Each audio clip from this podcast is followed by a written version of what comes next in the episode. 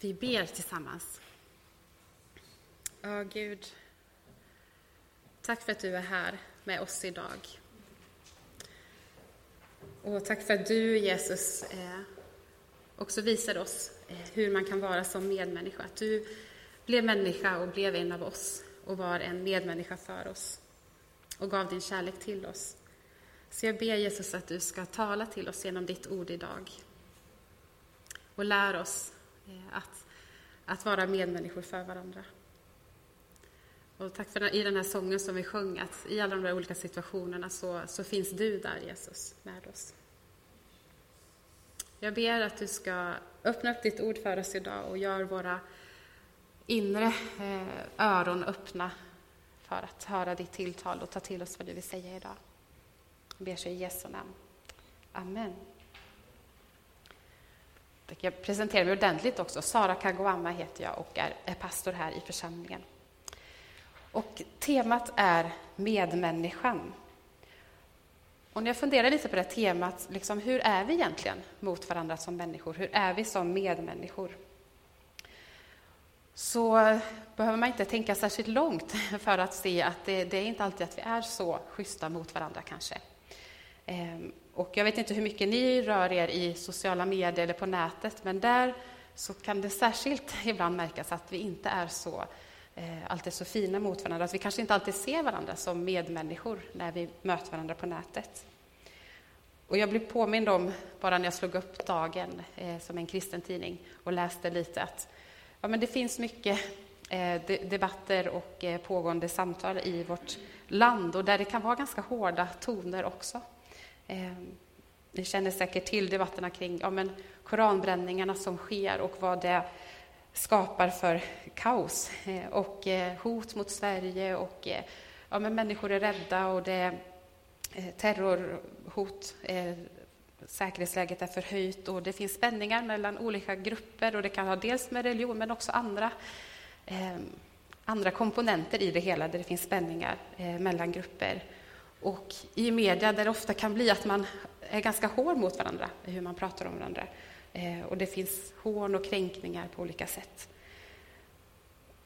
Och jag tänker att ja, men vad, det här ämnet känns aktuellt idag, medmänniskan. Hur, hur är vi medmänniskor för varandra? Dels i mötet, som Birgitta berättade om här inledningsvis, när vi möter en människa, men också när vi möter varandra eller talar om varandra på nätet. Vad har då Bibeln att säga om det här? Vad säger vår kristna tro om det? Hur kan vår tro vägleda oss i det? Och vi läste den gyllene regeln som flera av oss säkert har hört innan. Och vi ska också få läsa från Romarbrevet idag, från kapitel 12, där Paulus också skriver om det här. Och där vi kommer in i kapitel 12 från vers 9 så har han redan gett en bild av hur församlingen är som en kropp, Jesu kropp, och hur vi fungerar tillsammans. Och vi fortsätter att läsa från vers 9. Er kärlek ska vara uppriktig. Avsky det onda, håll fast vid det goda. Visa varandra tillgivenhet och broderlig kärlek. Överträffa varandra i ömsesidig aktning. Slappna inte er iver, håll er brinnande i anden. Tjäna Herren. Gläd er i hoppet. Var uthålliga i lidandet och ihärdiga i bönen. Hjälp Guds heliga med vad de behöver. Vinnlägg er om gästfrihet. Välsigna dem som förföljer er. Välsigna dem och förbanna dem inte.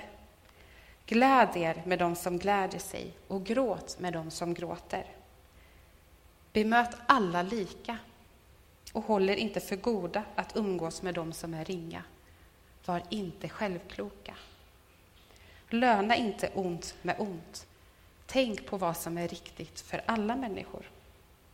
Håll fred med alla människor så långt det är möjligt och kommer an på er. Ta inte rätten i egna händer, mina kära, utan låt Guds fred ha sin gång. Ty det står skrivet, min är hämnden, jag skall utkräva den, säger Herren. Men är din fiende hungrig, ge honom att äta. Är han törstig, ge honom att dricka. Då samlar du glödande kol på hans huvud. Låt dig inte besegras av det onda, utan besegra det onda med det goda. det här är ju fantastiskt fina ord och man tänker att om alla skulle leva så här, vad fantastiskt det skulle vara. Men sen i praktiken så kan det vara lite svårare att verkligen leva ut det där. Eh, och hur kan vi då leva ut den här uppriktiga kärleken? Men jag tänker att det är på grund av vad Jesus redan har gjort för oss. Och därför vill jag också läsa eh, ett stycke från kapitel 5 i Romarbrevet. För Paulus när han skriver så är det alltid först så är det vad Gud har gjort för oss och sen hur vi kan leva ut det. Så jag känner att vi måste ha med det perspektivet för att, att det ska bli rätt för oss. Så vi läser från Romarbrevet kapitel 5 och från vers, vers 1 till 5. Då står det så här.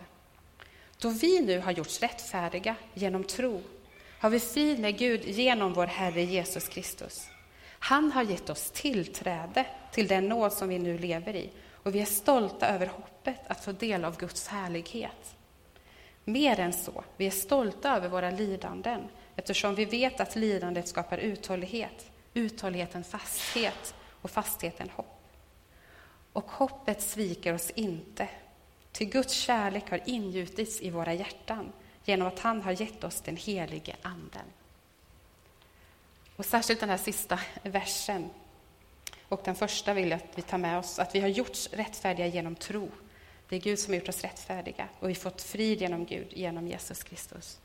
Och vers 5, att Guds kärlek har ingjutits i våra hjärtan genom att han har gett oss den helige Ande. Det är alltså Guds kärlek i våra hjärtan som, som det handlar om här, som vi kan få leva ut. Och förra söndagen så, så sjöng vi en sång eh, i, i gudstjänsten och som hade en strof att inte genom någon människas styrka eller kraft ska det ske, utan genom min ande. Och den har jag också burit med mig när jag har läst den här bibeltexten, att det är genom den helige Andes kraft som vi får, får leva ut Guds kärlek. Men tillbaka till Eh, texten i Romarbrevet 12. Så beskrivs här först den här broderkärlek, den uppriktiga kärleken som Paulus eh, uppmanar oss och uppmuntrar oss till att leva ut. Och jag vill, vi betar, betar av det här lite, liksom gå i, lite djupare i vad, vad innebär det han säger egentligen. Så i vers 9 så säger han, er kärlek ska vara uppriktig. Avsky det onda, håll fast vid det goda. Vad är egentligen en uppriktig kärlek? Jag tänker i, generellt idag när man pratar om kärlek så pratar man kanske ofta om härliga känslor eller att det, ja, men om det är kärlek då ska det liksom bara komma naturligt och det, det, man svävar lite på moln, då är det kärlek. Men jag tänker att det Paulus pratar om här, det är inte en kärlek som det kanske är så mycket känslor i egentligen. Det är inte där det handlar om. Det är inte någonting som bara kommer över en och man bara känner massa kärlek, kanske. Utan den här Guds kärlek som har ingjutits i våra hjärtan, en kärlek som kommer ifrån Gud och som är det, vi kan se hur är Guds kärlek. Ja, men Guds kärlek den är inte liksom upp och ner från dag till dag beroende på hur han känner sig eller så, utan det är en, en, ett viljebeslut, en vilja att älska, att visa kärlek oavsett vad. Han har älskat oss med en uppoffrande kärlek som, som också kostar på ibland och som tar emot kanske för oss att visa den kärleken.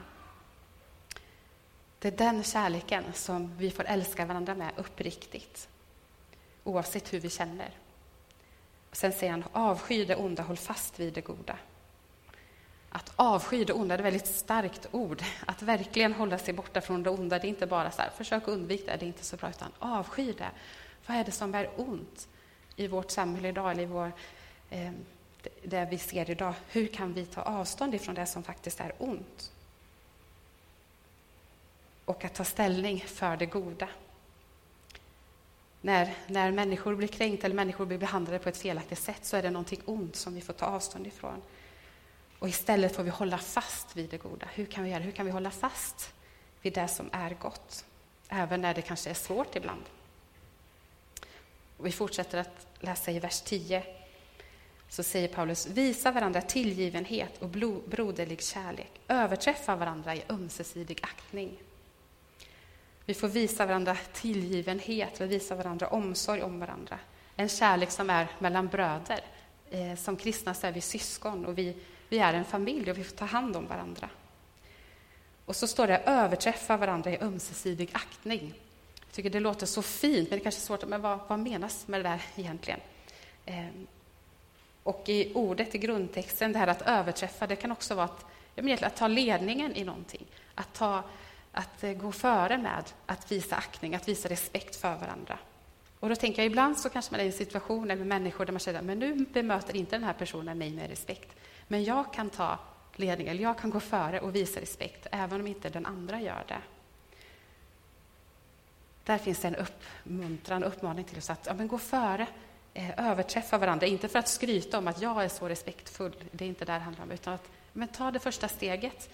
Även om det inte är andra som väljer den vägen, så gör det. Visa varandra aktning eller visa varandra respekt. Och här tänker jag verkligen att vi, vi skulle behöva mer av det i vårt samhälle idag, där vi kan visa varandra respekt. Vi fortsätter att läsa i vers 11. Då skriver han, slappna inte i er iver, håll er brinnande i anden, tjäna Herren.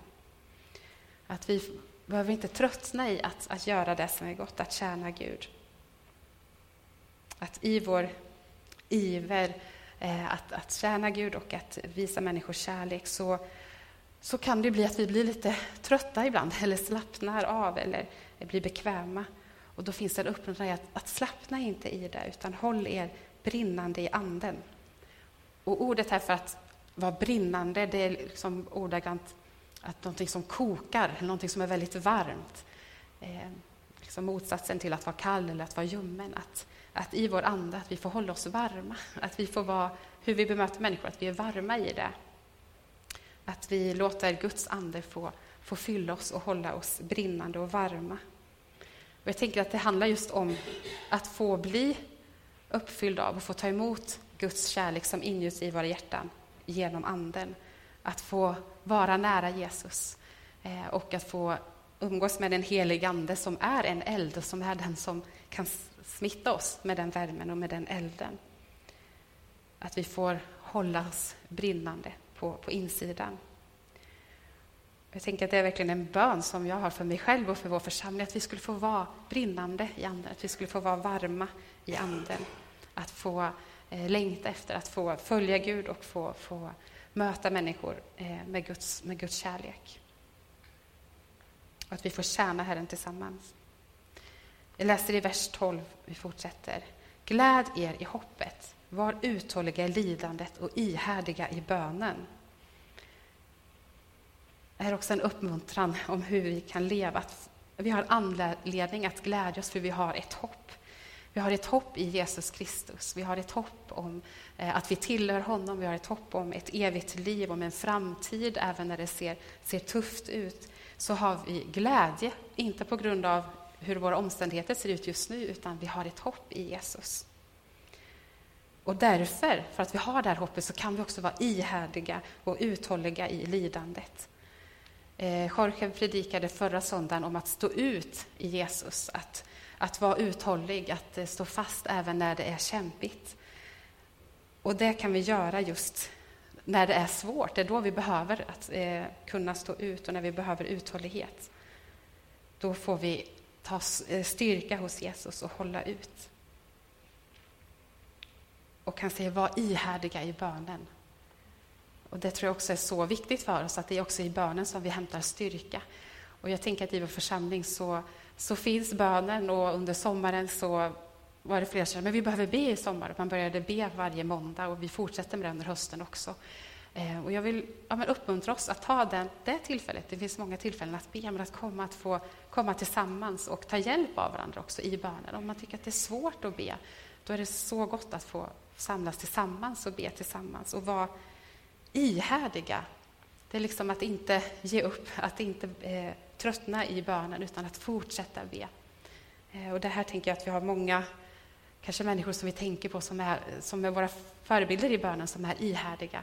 Eh, och jag tänker det är flera i vår församling som har gått vidare, som har flyttat hem till Herren, som också bär, har burit bönen. Och här får vi ta, ta vid och fortsätta att, att be och hålla den levande.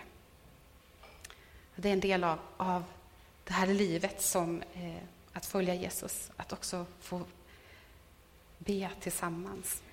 Att vara ihärdiga i det. Så oavsett om du tycker det är härligt att be eller om du tycker det är svårt att be, så vill jag uppmuntra dig där att, att söka dig till Gud i bön. Och sen kommer lite praktiskt, men hur, hur kan vi leva ut här till, till människor runt omkring oss? I vers 13 så säger Paulus så här. Hjälp Guds heliga med vad de behöver. Vinnlägg er om gästfrihet. Men hur ska vi relatera till varandra? Eh, Guds heliga, det är ett annat ord för ja, men de som, som tillhör Jesus. Våra syskon i tron. Ja, men vi ska hjälpa varandra med det som man behöver. Där vi, när vi ser ett behov, då kan vi finnas där. Precis som den här killen som Birgitta om, som sa, men ta vad du behöver av det jag har. Vilka behov ser vi i vår gemenskap? Och hur kan vi hjälpas åt att, att möta de behoven? Jag tänker i, i den kristna tron och liksom i, i församlingen så är det helt otänkbart att man har gemenskap och där några lever i överflöd och lyx och andra har knappt mat för dagen. Så kan det inte vara, utan vi behöver ta hand om varandra. Men vad, vad ser vi för behov och hur kan vi möta dem? För en del kanske det finns behov av, av mat, eller någon som kanske har det tufft och behöver hjälp. Men kan ni eh, komma och hjälpa till med mat ibland? Eller kanske det är att bjuda hem varandra, att visa om att vi finns där för varandra. I vårt samhälle idag är det väldigt lätt att känna sig ensam eller att kämpa på olika sätt. Hur kan vi som församling finnas där? Hur ser vi varandra? Hur eh, bjuder vi med varandra?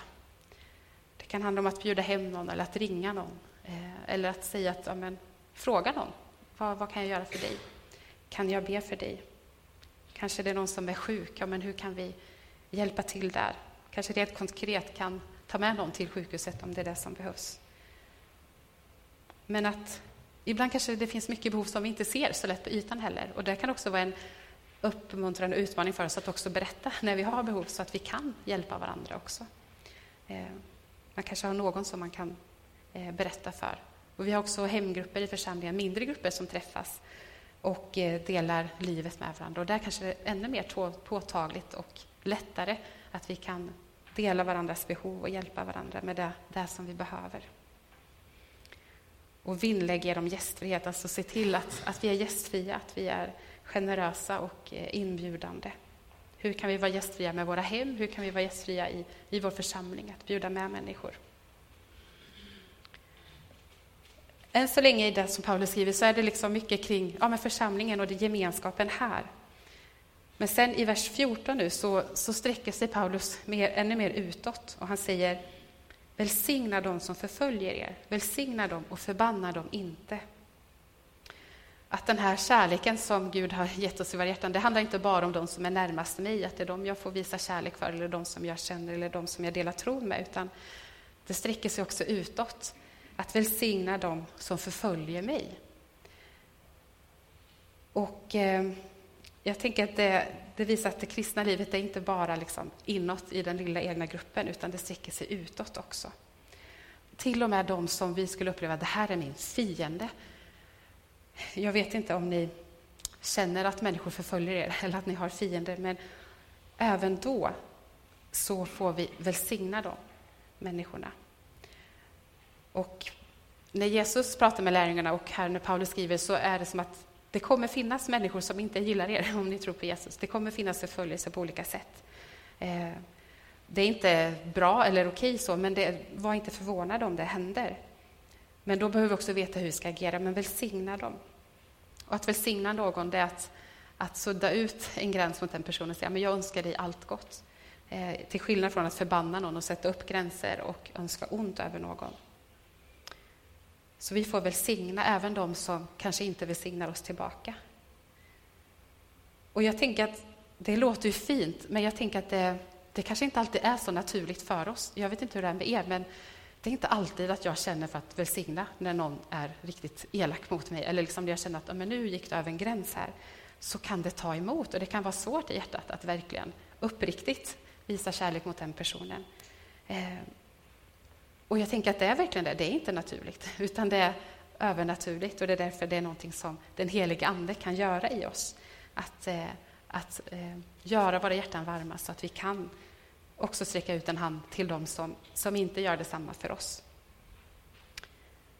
och där vi kan välsigna och ha den, den hållningen i våra hjärtan. Och Paulus fortsätter i vers 15 och säger gläd er med de som gläder sig och gråt med de som gråter. Och Det här handlar också om människor, som inte liksom bara de som kommer till kyrkan, utan alla människor. Hur ska vi ha förhålla oss? Ja, men vi ska vara liksom lite utåtriktade. Att ser vi människor som har glädje så får vi glädjas med dem. Om människor har sorg så får vi finnas där och sörja med dem. Församlingen är inte tänkt att vara en liten inåt eller sluten grupp, utan det är en gemenskap som är, som är öppen och som riktar sig till människor eh, runt omkring. Att vi får vara med människor där de är och dela livet där de är, så att vi vet vad människor går igenom. När det finns glädje, när det är fest och när det, eh, livet är härligt, då får vi vara med där och glädjas med dem. Och leva människor nära så att vi också vet när människor har det svårt och när, när människor kämpar och när det är gråt. Då får vi också finnas där och dela den sorgen. Jag tycker när man ser på Jesu liv så var det så här Jesus levde. Han var på bröllop, han var med och glädde sig och eh, gladde sig och var, hade fest när det var människor som hans vänner som hade fest. Då var han med där. Och han var också med när människor hade sorg, när hans vänner eh, Maria och Marta när de förlorade sin bror Lazarus så var Jesus där och det står att Jesus grät. Han var också där och delade sorgen. Och sen gjorde han under och väckte upp Lazarus från de döda, så det, det stannar liksom inte där. Eh, men att vi får leva nära människor. Eh, när livet händer, liksom, då, då får vi finnas med.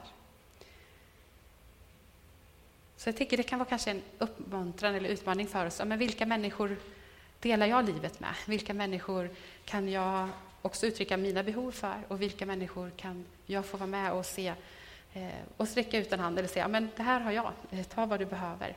Eh, jag vill dela med mig, jag vill finnas där för dig. Vi fortsätter läsa i vers 16. Så säger Paulus, bemöt alla lika och håll er inte för goda att umgås med dem som är ringa. Var inte självkloka. Det kan ju låta ganska enkelt, bemöt alla människor lika. I en annan översättning står det att vara enig med alla. Liksom. Och det kan ju låta väldigt enkelt, men kanske är lite svårare. Att vi ändå ger lätt, gör lite skillnad på människor. Kan säga, men den här personen är någon med status, och den får jag ställa in mig lite för. Och den här personen kanske jag inte bryr mig så mycket om, så kanske jag inte bemöter den på samma sätt. Det kanske inte är någon här som känner igen sig men det är lite så kan ändå smygas in att vi ändå gör lite skillnad på människor. Men det har vi ingen anledning att göra, säger Paulus. Att vi kan möta, att vi får möta människor på, på samma sätt. Och inte hålla oss eh, för goda för att umgås med de som är ringa eller de som ses som enkla människor. Och jag tänker att även om vi har det som grundinställning att ja, men vi vill bemöta alla människor på samma sätt, så kan det ändå vara att ja, men vissa människor är lite enklare eller svårare att, att eh, relatera till. Eh, ibland kanske det tar mer energi än det ger energi. Men även där så får vi inte tänka mer om oss själva än någon annan, utan vi får hålla oss ödmjuka i våra hjärtan. Och sen fortsätter Paulus i vers 17. Löna inte ont med ont. Tänk på vad som är riktigt för alla människor. Och här kommer Paulus in på det här med det som är ont igen. Det är faktiskt, när det sker saker som är, det är inte bara inte så bra, utan det kan vara saker som är verkligen onda. Ehm, inte bara att vissa människor är, har jag lättare för eller svårare för, utan ibland kanske det är faktiskt så att det är någon som gör mig väldigt ont. När människor gör oss illa när någon hånar mig eller någon förföljer mig eller kränker mig på något sätt, vad gör jag då? Men löna inte ont med ont. Ge inte igen på samma sätt. Utan om någon talar hårt till dig, tala inte hårt tillbaka. Eller om någon eh, hånar dig, håna inte tillbaka. Om någon skriver hårda kommentarer i ett kommentarsfält på nätet, haka inte på det och fortsätt i det. Liksom. Tänk inte bara på att försvara dig själv, utan det står tänk på det som är riktigt för alla människor. I en annan översättning står det det som är gott i allas ögon. Att inte bara se saker från mitt perspektiv, utan också från någon annans perspektiv. Hur påverkar det här andra människor? Hur blir det för den andra? Och jag tänker att det här att leva ut Guds kärlek uppriktigt på det här sättet, det, det kräver ändå sitt, eh, sitt arbete och ansträngning för oss eh, i, i våra hjärtan och hur vi lever. Att, att eh, tänka på den andra. Vad blir bäst för den här personen? Sen fortsätter han i vers 18. Håll fred med alla människor så långt det är möjligt och kommer an på er. Och det här låter ju fantastiskt fint, tänker jag. Håll fred med alla människor. Det låter ju fantastiskt. Och så samtidigt känner man att men det är ju omöjligt om man liksom ser på vår värld idag. Man kan inte hålla fred med alla människor. Och därför kommer också fortsättningen på den versen. Så långt det är möjligt. Det finns en realism här. Ja, men så långt det går, eh, håll fred. Och sen så långt det kommer an på er. Ja, men så länge det som är upp till mig. Jag kan göra det jag kan för att hålla fred med andra människor. Jag kan göra det, ja, det som är möjligt för mig. Från mitt håll så kan jag visa att, att jag inte vill ha bråk här, utan jag vill försöka ha försoning, jag vill ha förlåtelse, jag vill ha gemenskap. Att vi får alltid börja med oss själva och vårt eget hjärta och vår egen attityd innan vi kan hjälpa varandra med det. Och ta vårt ansvar för det. Och sen, jag tänker att vi kan inte tvinga på människor att hålla fred eller att, att förlåta varandra. Men vi kan, vi kan göra det vi, eh, som ligger på oss. Och, när vi, och ibland kanske det, vi har en sorg i det, att vi har relationer eller att vi har människor eller grupper där vi ser att här går det inte att få försoning, här går det liksom inte att, att man möter varandra, här finns det inte fred. Men då får vi göra det, jag kan göra det jag som är på mig och sen så får vi också lämna det till Gud och be, för be kan vi alltid göra. Eh, när ingenting annat hjälper så kan vi be. Och när vi ser på Jesu liv så så tänk att han, han levde så han höll fred med människor, men det var ju inte så att det aldrig var någon konflikt kring Jesus eller att alla tyckte om honom, utan det var ganska turbulent ibland också. Men han, han sträckte alltid ut en hand, han välsignade alltid. Och jag tror att vi har mycket att, att växa i här, att, eh, att ha goda relationer och att, att hålla tillbaka när vi vill säga någonting hårt eller att eh, prata med varandra istället för om varandra och att eh, att lyssna, verkligen, även när vi inte håller med någon. Att lyssna och eh, höra det från den personens sida. Och att vilja, vilja förstå varandra. Här vill Gud också hjälpa oss att, att eh, leva ut det. Och sen fortsätter Paulus i vers 19. Han säger, ta inte rätten i egna händer, mina kära, utan låt Guds vrede ha sin gång. Ty det står skrivet, min är hämnden, jag ska utkräva den, säger Herren. Att inte ta rätten i egna händer, alltså att inte hämnas, att inte... Om någon gör dig fel, om någon sårar dig eller syndar mot dig, så gå inte själv och ta hämnd på den personen, utan låt Gud ta hand om det. Eh, och det finns ju ett rättssystem när det handlar om sådana saker, som Paulus sen säger senare i kapitel 14, att det har, Gud har sett till att det finns ett, eh, eh ja, ett, eh, ett system i samhället som som vi ska eh, ta vara på eh, och använda oss av. Och sen säger, så står det att vi ska lämna hämnden åt Gud. Och det kan man tycka låter konstigt. Ska Gud hämnas? Det låter inte så bra. Men eh, när Gud eh, ger konsekvenser för det som har hänt så är det inte att han hämnas utan att han är en, en rättvis domare. Det blir inte godtyckligt som om vi skulle eh, hämnas på det som någon har gjort emot oss. Och vi får vila i att ja, men vi får lämna det till Gud. Det är inte i vår kontroll. Och att ta hämnd eller ta saken i egna händer, det kan ju låta väldigt så stort och hemskt, det kanske man inte känner att man gör. Men, men jag tänker ibland så kan det ändå finnas lite där att om någon gör en illa, att ja, men jag skulle vilja att du vet hur det här känns. Liksom. Man kan ändå ha den där känslan lite. Och även den, att få lämna den till Gud. Att ja, men jag behöver inte ge igen med samma mynt. Utan tvärtom så säger Paulus i vers 20 hur ska vi agera mot våra fiender? Ja, men på samma sätt som vi agerar mot andra människor. Är din fiende hungrig, ge honom att äta. Är han törstig, ge honom att dricka. Då samlar du glödande kol på hans huvud. Att istället för att hämnas på din fiende, så om han har behov, så fyll de behoven. Ge det som den personen behöver. Om någon gör dig illa, se vad, vad, vad har den här personen för behov? Hur kan jag finnas där för den personen? Kanske jag kan be för den personen, kanske jag kan visa omtanke eller eh, att ge generöst mot den personen. Och sen har, är det här lite konstiga uttrycket att då samlar du glödande kol på hans huvud. Jag vet inte hur ofta ni tänker att ni går runt och samlar kol på varandras huvud. Det, det kan verka lite konstigt. Men det är en bild för liksom den här goda skammen. Att om någon gör dig illa och du ger respons med att, att göra någonting gott för den personen, då kommer den personen känna att oj, ja, här har jag behandlat dig jätteilla och så gör du någonting snällt mot mig. Nu känner jag mig lite dum här att jag var så elak mot dig. Och man liksom inser sitt eget misstag, att det här var inte så bra. Så här kan jag inte göra. Så för den personen så blir det att inte bara du gör det som är gott för den personen, eller du gör det som är rätt inför Gud, utan du hjälper också den personen att få insikt om sin egen, sitt eget hjärta och sitt eget, Eh, hur man har handlat fel och kunna omvända sig. Om vi möter våld med våld så blir det mer våld, men om vi möter våld med, med barmhärtighet så kan det leda till mer barmhärtighet. Och till sist så avslutar Paulus med låt dig inte besegras av det onda, utan besegra det onda med det goda. Och jag tror nästan det här liksom, han summerar alltihopa här, där det handlar om hela budskapet som att besegra det onda med det goda. Som jag egentligen tycker skulle kunna summera hela evangeliet också. Att inte besegras av det onda, utan besegra det onda med det goda. Det är precis det Jesus gör på, på korset, där han möter all ondska eh, i världen.